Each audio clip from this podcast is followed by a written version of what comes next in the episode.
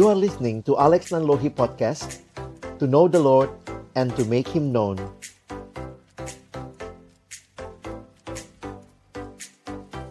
Berdoa sebelum kita membaca merenungkan firman-Nya. Kami datang dalam ucapan syukur siang hari ini. Terima kasih Tuhan Engkau baik dan menyatakan kebaikan-Mu bagi hidup kami. Kembali kami akan bersama-sama membuka firman-Mu. Kami mohon bukalah juga hati kami. Jadikanlah hati kami seperti tanah yang baik. Supaya ketika benih firman-Mu ditaburkan itu boleh sungguh-sungguh berakar, bertumbuh, dan juga berbuah nyata di dalam hidup kami. Berkati hambamu yang menyampaikan semua kami yang mendengar, Tuhan tolonglah agar kami bukan hanya jadi pendengar-pendengar firman yang setia, tapi mampukan dengan kuasa dan pertolongan dari rohmu yang kudus, kami dimampukan menjadi pelaku-pelaku firman-Mu di dalam kehidupan kami. Bersabdalah ya Tuhan, kami umatmu sedia mendengarnya dalam satu nama yang kudus, nama yang berkuasa, nama Tuhan kami Yesus Kristus. Kami menyerahkan pemberitaan firman-Mu. Amin. Shalom, selamat siang. Bapak Ibu, Saudara yang dikasihi dalam Tuhan Yesus Kristus. Saya bersyukur buat kesempatan ini boleh melayani Bapak Ibu Saudara sekalian. Meskipun kita melalui uh, ini ya media Zoom seperti ini, saya pikir tidak mengurangi kita untuk boleh terus uh, menikmati ya bagaimana Tuhan uh, memimpin kita. Saya akan coba share uh, satu slide sebentar. Belum bisa, di saya belum muncul ini sebentar ya. Oke. Okay.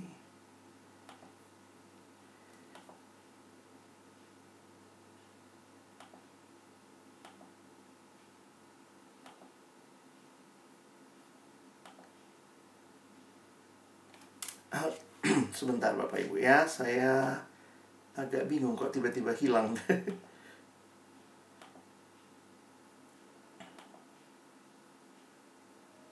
Saya coba share screen aja. Apakah sudah terlihat? Iya. Baik. Jadi siang hari ini kita membahas tentang Science and Bible dan ini juga nanti ada kesempatan kita boleh interaksi, tanya jawab sebentar di bagian akhir. Dan memang uh, dalam sepanjang perjalanan sejarah selalu ada saja ketegangan antara sains dan Bible. Nah, bagaimana kita melihat akan hal ini dan bagaimana juga kita menyikapinya? Saya akan memberikan beberapa prinsip dalam waktu yang singkat ini. Kita akan lihat dua bagian firman untuk hal ini. Yang pertama adalah di dalam Amsal 1 ayat yang ketujuh dikatakan takut akan Tuhan adalah permulaan pengetahuan. Tetapi orang bodoh menghina hikmat dan didikan. Jadi kalau kita memperhatikan bahwa sumber dari pengetahuan itu sebenarnya adalah Allah sendiri. Karena itu ketika takut kepada Allah, kata takut yang digunakan di sini bukanlah takut dalam pengertian ketakutan. Is not about afraid, tetapi ini tentang takut yang ada kagumnya. Jadi mungkin lebih tepat kalau bahasa Inggris menggunakan istilah awe, awesome. Tuhan yang uh, yang luar biasa yang bisa kita kagumi, maka ketika pengetahuan itu ada dari Tuhan, maka dikatakan takut akan Tuhan adalah permulaan pengetahuan. Nah, jadi kita bisa melihat bahwa sebenarnya kalau nanti kita berbicara juga sains sebagai pengetahuan itu juga sumbernya adalah dari Allah tentunya. Nah, lalu kemudian bagian yang kedua kalau kita bicara tentang Bible ya, kita lihat satu bagian firman Tuhan di dalam 2 Timotius pasal 3 ayat 16 dan 17. Nah, Bapak Ibu bisa memperhatikan saya sudah tuliskan ayatnya di screen, kita bisa membacanya. Segala tulisan yang diilhamkan Allah memang bermanfaat untuk mengajar, untuk menyatakan kesalahan, untuk memperbaiki kelakuan, dan untuk mendidik orang dalam kebenaran. Dengan demikian, tiap-tiap manusia kepunyaan Allah diperlengkapi untuk setiap perbuatan baik. Mari, Bapak Ibu, perhatikan sebentar. Sekali lagi, tujuan apa yang menjadi tujuan Alkitab diberikan? yaitu untuk mengajar, menyatakan kesalahan, untuk memperbaiki kelakuan dan untuk mendidik orang dalam kebenaran.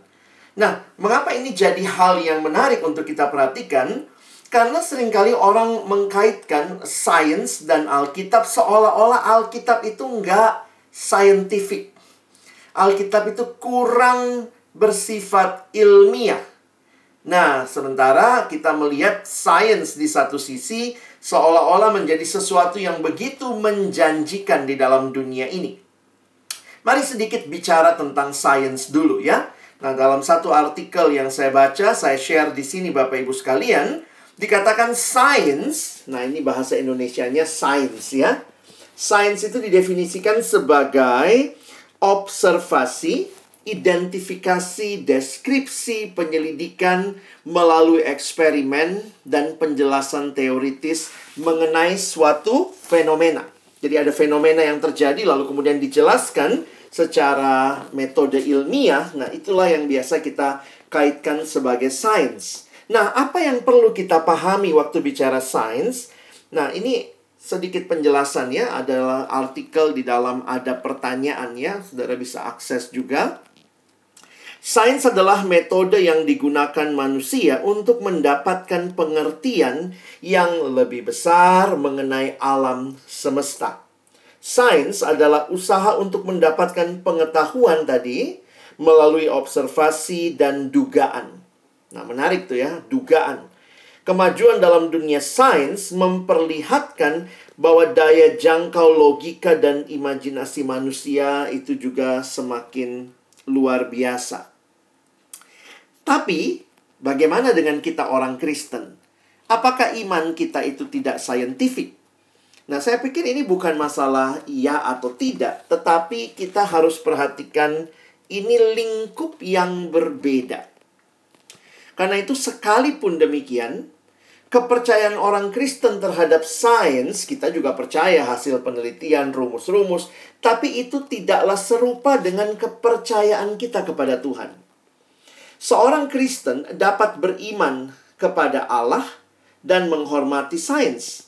Selama kita bisa mengingat ya, apa yang diingat? Mana yang sempurna dan mana yang tidak.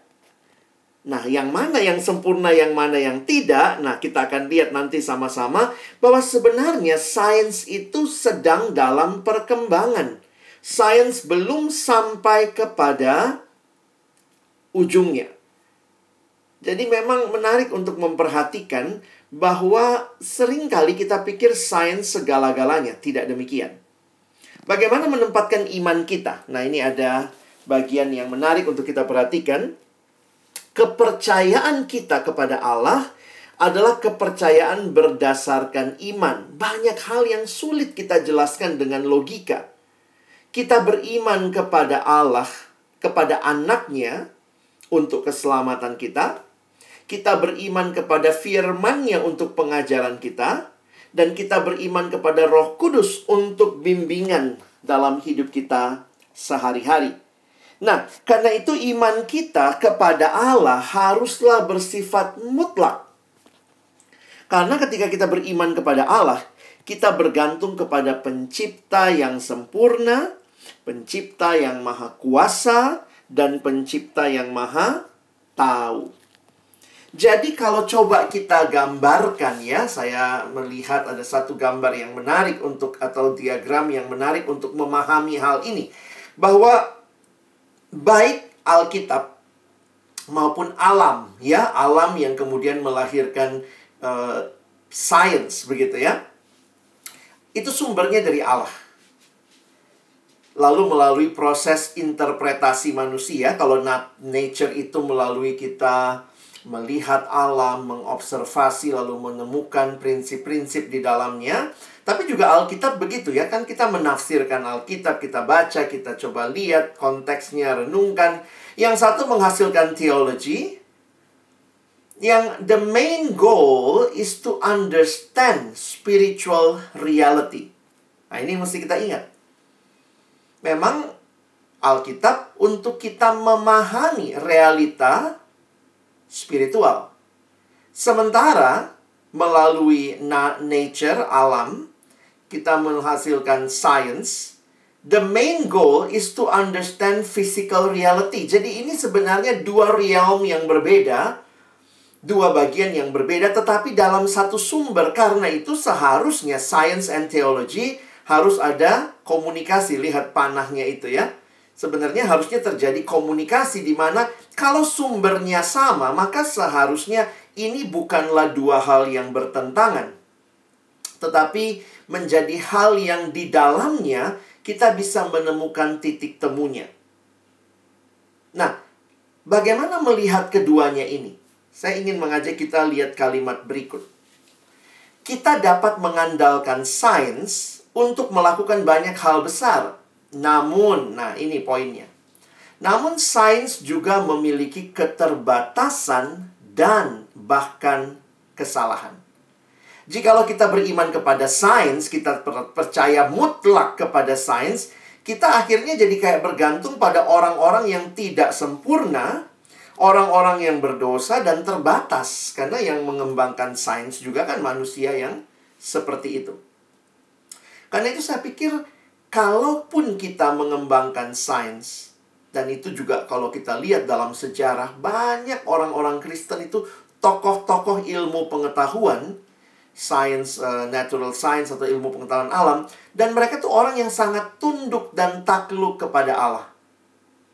Dalam batas tertentu mereka sadar ini limitnya manusia, udah nggak bisa maju lagi gitu ya. Coba Bapak Ibu lihat gambar itu ya. Jadi kayak kita harus sadar keterbatasan kita. Memang manusia sekarang bisa bikin bayi tabung. Kita bisa apa inseminasi buatan begitu ya untuk saudara-saudara yang mungkin kesulitan memiliki anak dan seterusnya. Tapi ada batasnya juga di mana ketika itu dilakukan kita nggak bisa kontrol jadi tidaknya. Saya juga ketemu dengan beberapa orang yang sudah mencoba berbagai metode itu dengan ya ong ongkos yang cukup mahal, tapi mereka juga bilang itu misteri gitu ya. Sampai titik tertentu bisa nggak jadi juga. Karena bukan hanya sekadar sel telur dan uh, sperma yang dipertemukan dan dengan kemajuan teknologi uh, peng, uh, teknologi kedokteran, tetapi juga ada misteri yang kita bisa bilang ya sains punya keterbatasan. Ya, dan bahkan kesalahan. Nanti kita akan coba lihat beberapa hal ya. Tapi yang menarik adalah uh, ilmuwan-ilmuwan Kristen juga banyak dan mereka sadar keterbatasan dan bagi saya mungkin ini yang menarik ya yang kita juga harus coba uh, miliki ya uh, kesadaran yang sama. Ada seorang yang mungkin Bapak Ibu Saudara ketemu rumus-rumusnya di bangku sekolah. Mungkin kita nggak suka gitu ya rumus-rumusnya. Tapi menarik sekali bahwa dia juga orang Kristen sungguh-sungguh. Coba saudara lihat ini orangnya ya. Namanya Blaise Pascal. Tapi perhatikan kalimat dia. Dia berkata, hati manusia biar kecil, namun jika seisi dunia diisi ke dalamnya, tetap tidak akan memuaskannya. Hanya sang pencipta yang bisa memuaskannya. Ini kalimat terkenal sekali, dikutip di mana-mana dan menarik sekali ini diungkapkan oleh seorang ilmuwan Kristen yang sangat luar biasa penemuannya. Tetapi dengan hati yang begitu rendah hati menyadari diri di hadapan Allah. Sehingga sepanjang sejarah, sains sudah terbukti juga memiliki kesalahan dalam banyak hal. Misalnya kita masih ingat bentuk bumi, masalah penerbangan. Saya nggak telusuri semua ya, tapi nanti ada tabel yang Bapak Ibu bisa lihat. Vaksin juga, kadang-kadang kita bingung ya, hari ini boleh, besok nggak boleh. Total vaksin ini tadinya nggak boleh buat anak-anak, sekarang boleh buat anak-anak. Jadi, jangan merasa sains segala-galanya, karena sains itu dalam progres. In progress. Nah, tetapi kalau kita bicara Allah, ya Allah nggak pernah salah. Dan Allah yang tidak pernah salah itu yang kita temukan waktu kita membaca kitab suci. Tetapi kalau begitu apakah Alkitab kita adalah Alkitab yang bisa memberikan data sains? Nah, ini mesti kita ingat ya. Nah, ini kalimatnya. Alkitab bukanlah textbook sains. Bapak Ibu mau bikin jadi textbook sains contoh lah ya. Kwitansi itu bukan nota misalnya atau apa ya. Nggak bisa kita bilang harus sama gitu. Yang namanya novel itu bukan bukan vlog. Itu dua hal yang berbeda. Nah, Alkitab kita bukanlah textbook science.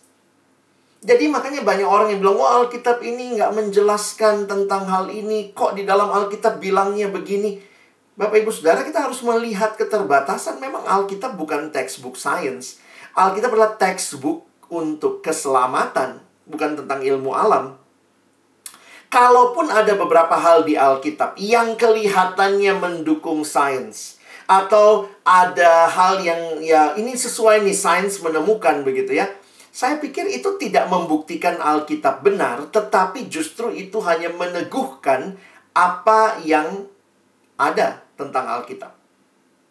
Nah, ini ada satu tabel yang menarik. Science confirms the Bible. Nah, saya senang istilahnya ya.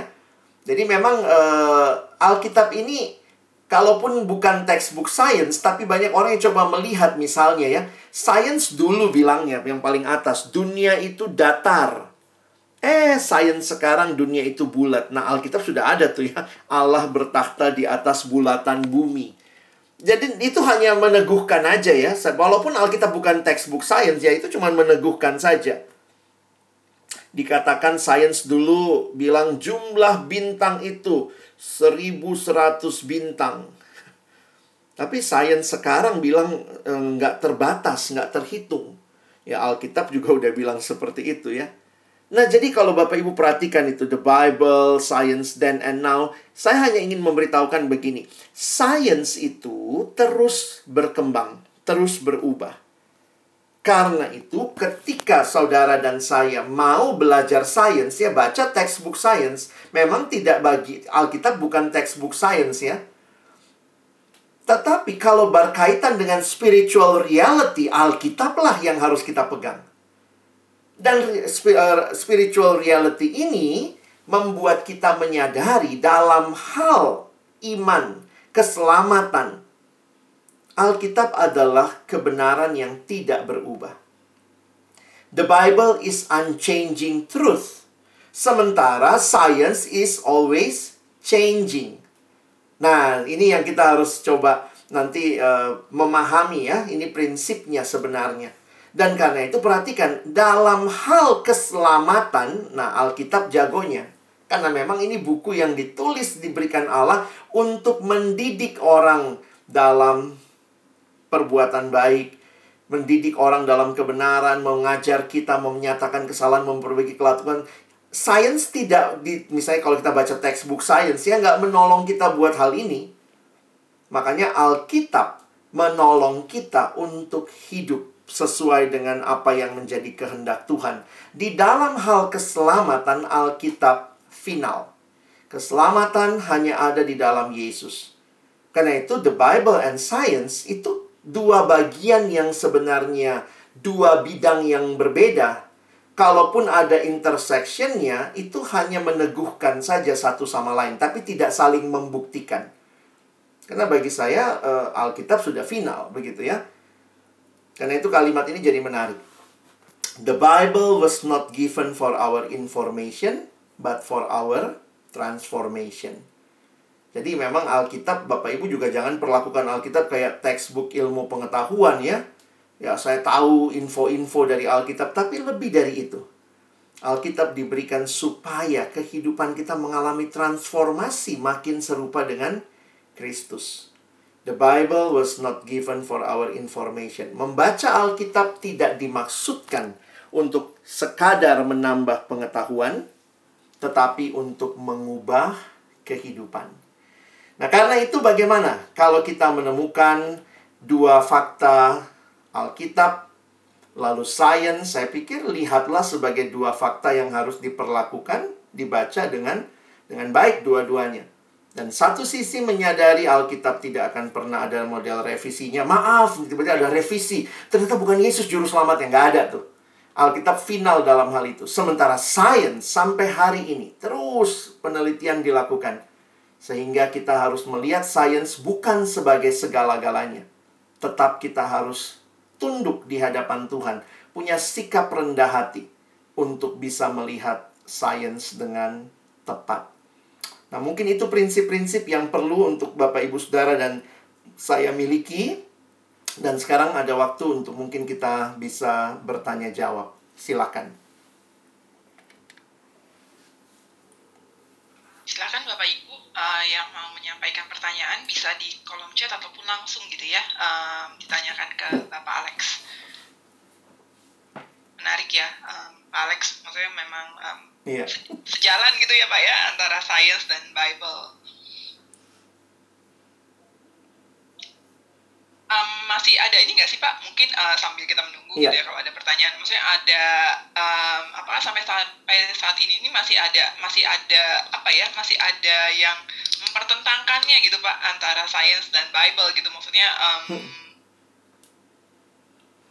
Iya, em, saya melihatnya begini. Tapi itu yang, yang walaupun Alkitab bukan textbook ilmu pengetahuan, kalaupun kayak Ibu Ida nih di chat bilang ya bahwa ada hal-hal yang dijawab, tapi memang kita harus paham juga ya, karena Alkitab bukan textbook pengetahuan, maka tidak akan menjawab tuntas. Maka mungkin yang dijawab di di bagian lain gitu.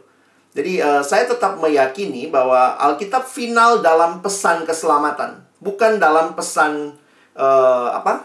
Pesan sains enggak karena Alkitab memang bukan textbook science. Makanya jangan digunakan untuk menjawab sains. Takutnya itu jadi ah, ya kayak bukan itu gunanya dipakai buat itu misalnya. Tuhan Yesus misalnya bilang begini, angin bertiup ke mana dia pergi.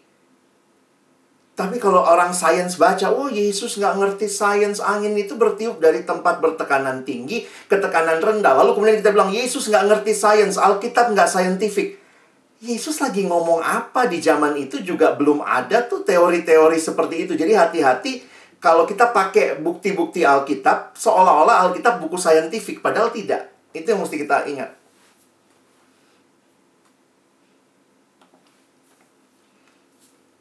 Oke Pak, ya kalau itu memang uh, Alkitab adalah buku uh, apa pan- panduan uh, mengenai keselamatan gitu ya, mengenai Tuhan Yesus dan keselamatan. Ada pertanyaan Bapak Ibu?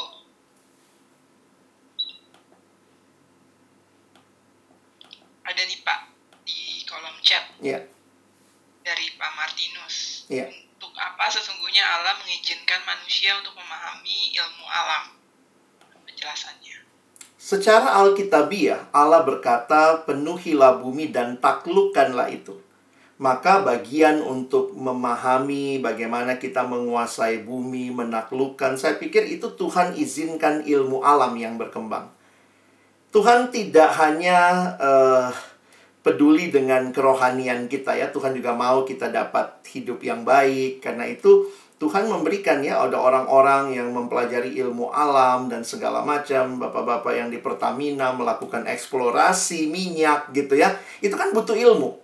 Kalau bilang "Oh, kita belajar eksplorasi minyak dari Alkitab, terlalu naif kita. Memang bukan itu, Alkitab diberikan untuk menyadarkan kita bahwa ada Allah. Sehingga waktu kita mengeksplorasi misalnya dengan sangat baik, kita nggak lupa bahwa Tuhan hadir gitu. Dan banyak banyak bagian ilmu alam, makanya tadi kalimat saya begini, banyak sumbangan ilmu alam itu berguna. Kita naik pesawat itu karena ilmu alam. Kita bisa zoom seperti ini nih karena ilmu alam.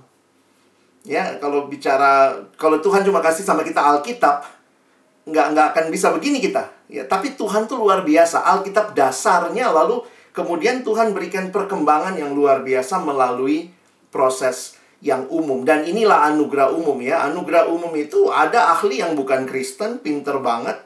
Tapi Tuhan pakai penem- penemuan ahli yang bukan Kristen itu untuk kebaikan anak-anaknya. Jadi saya pikir sangat luar biasa.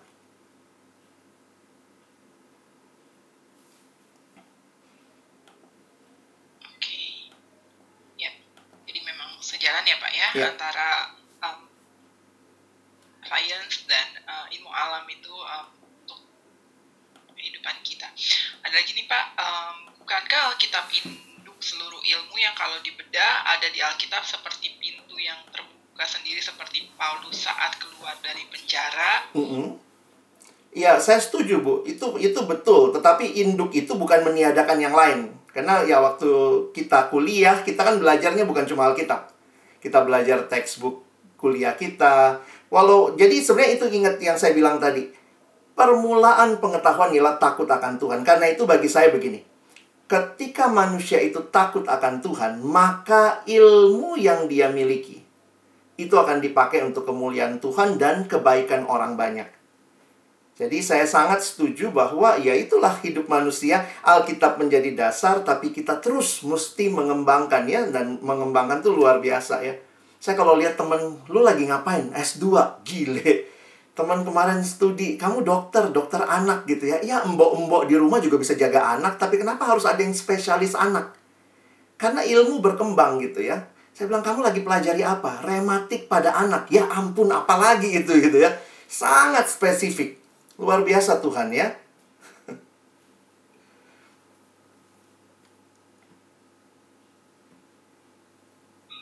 Amin.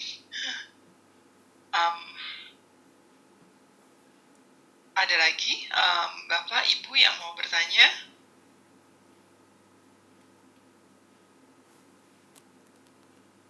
Ya, Pak Martinus. Eh, Pak Lek, Ya Pak. eh, izin bertanya lagi. Iya. Sampai sejauh mana nanti Tuhan mengizinkan manusia itu menggali ilmu pengetahuan? Hmm. Saat ini kan udah luar biasa sekali. Iya. Eh, apa ke bulan, ke Mars juga menciptakan apa Iya. ya manusia gitu ya. itu luar biasa. Ada batasnya nggak sampai mana nanti eh, Tuhan itu mengizinkan? Makasih Pak. Iya Pak, makasih. Wah ini pertanyaannya susah ini Pak. Ya, mesti tanya sama Tuhan Pak. Kalau saya melihatnya begini. Sedalam apa pun pengetahuan manusia, pengetahuan kita terbatas kepada kita ciptaan. Sehingga tidak akan pernah menyamai Allah yang adalah pencipta. Jadi batasannya, jadi saya juga nggak tahu Tuhan izinin kita sampai semana sih. Tapi ketika pengetahuan berkembang ya sekarang dengan cloning segala macam katanya bisa dibentuk, bisa dibikin, tapi tetap bagi saya ketika masih ada misteri yang tidak bisa dijawab hanya dengan sains itu menunjukkan bahwa kategorinya beda, Pak. Kita cuma ciptaan, Tuhan pencipta. Ada hal-hal yang Tuhan izinkan mungkin kita ikut mencipta. Misalnya kayak rekayasa genetika, tanaman sekarang ya. Tetapi bagi saya, hati yang takluk dan tunduk tidak membuat kita jadi manusia yang merasa diri pencipta. Nah, itu yang saya pikir eh, Tuhan tuh dari awal tuh nggak takut disaingi ya. Makanya sejak di Taman Eden gitu, jadi saya lihat kok dibebasin banget manusia. Karena Tuhan tutup aja, jangan masuk ke sini, nggak makan buah ini. Tapi itulah Tuhan kita memberikan kepada kita kebebasan, tetapi mengajak kita mengingat. Kita, kamu cuma ciptaan, aku yang pencipta. Nah, jadi mungkin dalam beberapa hal, eh, ya mungkin penemuan, saya yakin sih penemuan teknologi masih akan terus bertambah. Penelitian terus terjadi, tapi sekarang kan Bapak Ibu yang di energi kan udah lihat nih energi yang terbarukan, ada yang dari eceng gondok lah, dari mana, kadang-kadang bingung gitu ya, nanti kentut dibikin energi juga gitu ya. Dan itu luar biasa kan Tuhan di situ kita lihat ya. Tapi kita harus sadar gitu, jangan sampai kita lupa bahwa kita tuh cuma ciptaan. Mungkin itu sih, eh, saya nggak bisa bilang batasnya juga sih Pak.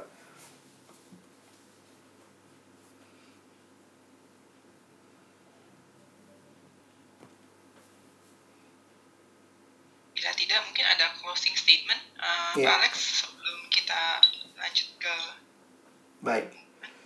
Ya, saya bersyukur boleh sharing ini kepada Bapak Ibu sekalian, tentunya orang-orang yang juga pernah mengalami pendidikan yang mungkin melalui pendidikan tinggi atau mungkin pendidikan yang bahkan S2, S3 dan ini membuat kita hanyalah menyadari bahwa tidak tepat mempertentangkan Alkitab dengan sains tetapi justru membawa juga sains tunduk kepada Allah dan Alkitab menjadi buku yang harusnya kita hidupi.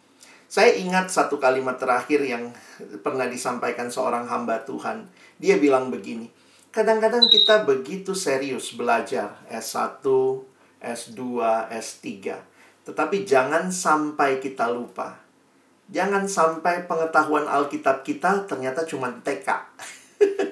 ya, jadi banyak orang Kristen tuh S1, S2, S3, tapi pengetahuan Alkitabnya TK. Ditanya, buka kitab Hagai, di mana itu gitu ya. Nah, ini menjadi dorongan bagi kita untuk serius juga dengan kitab suci yang Allah berikan kepada kita untuk kita terus bertumbuh juga di dalam iman dan pengharapan kita kepada Allah. Tuhan memberkati kita.